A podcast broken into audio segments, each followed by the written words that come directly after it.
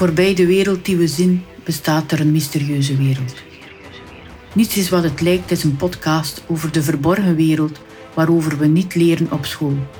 Over mysteries, oude mythologische verhalen, taal en geheime kennis uit onze geschiedenis.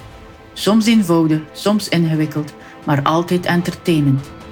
Voor wie zich soms afvraagt waarom. Niets is wat het lijkt, daarom zou je alles wat je gelooft en denkt in vraag moeten stellen. Vragen zoals: wat als het liken van iets met thumbs up in werkelijkheid iets anders wil zeggen? Wat als het cijfer 13 geen ongeluksgetal is? Waarom houden mensen van vogels, of beter gezegd van vogelen? Hoe de appel meer betekent dan gewoon een stuk fruit? En wat wil het woord corona ons onbewust vertellen? Want we zijn nooit te oud om vragen te stellen, zelfs voor de vragen die beter nooit gesteld worden, omdat niets is wat het lijkt.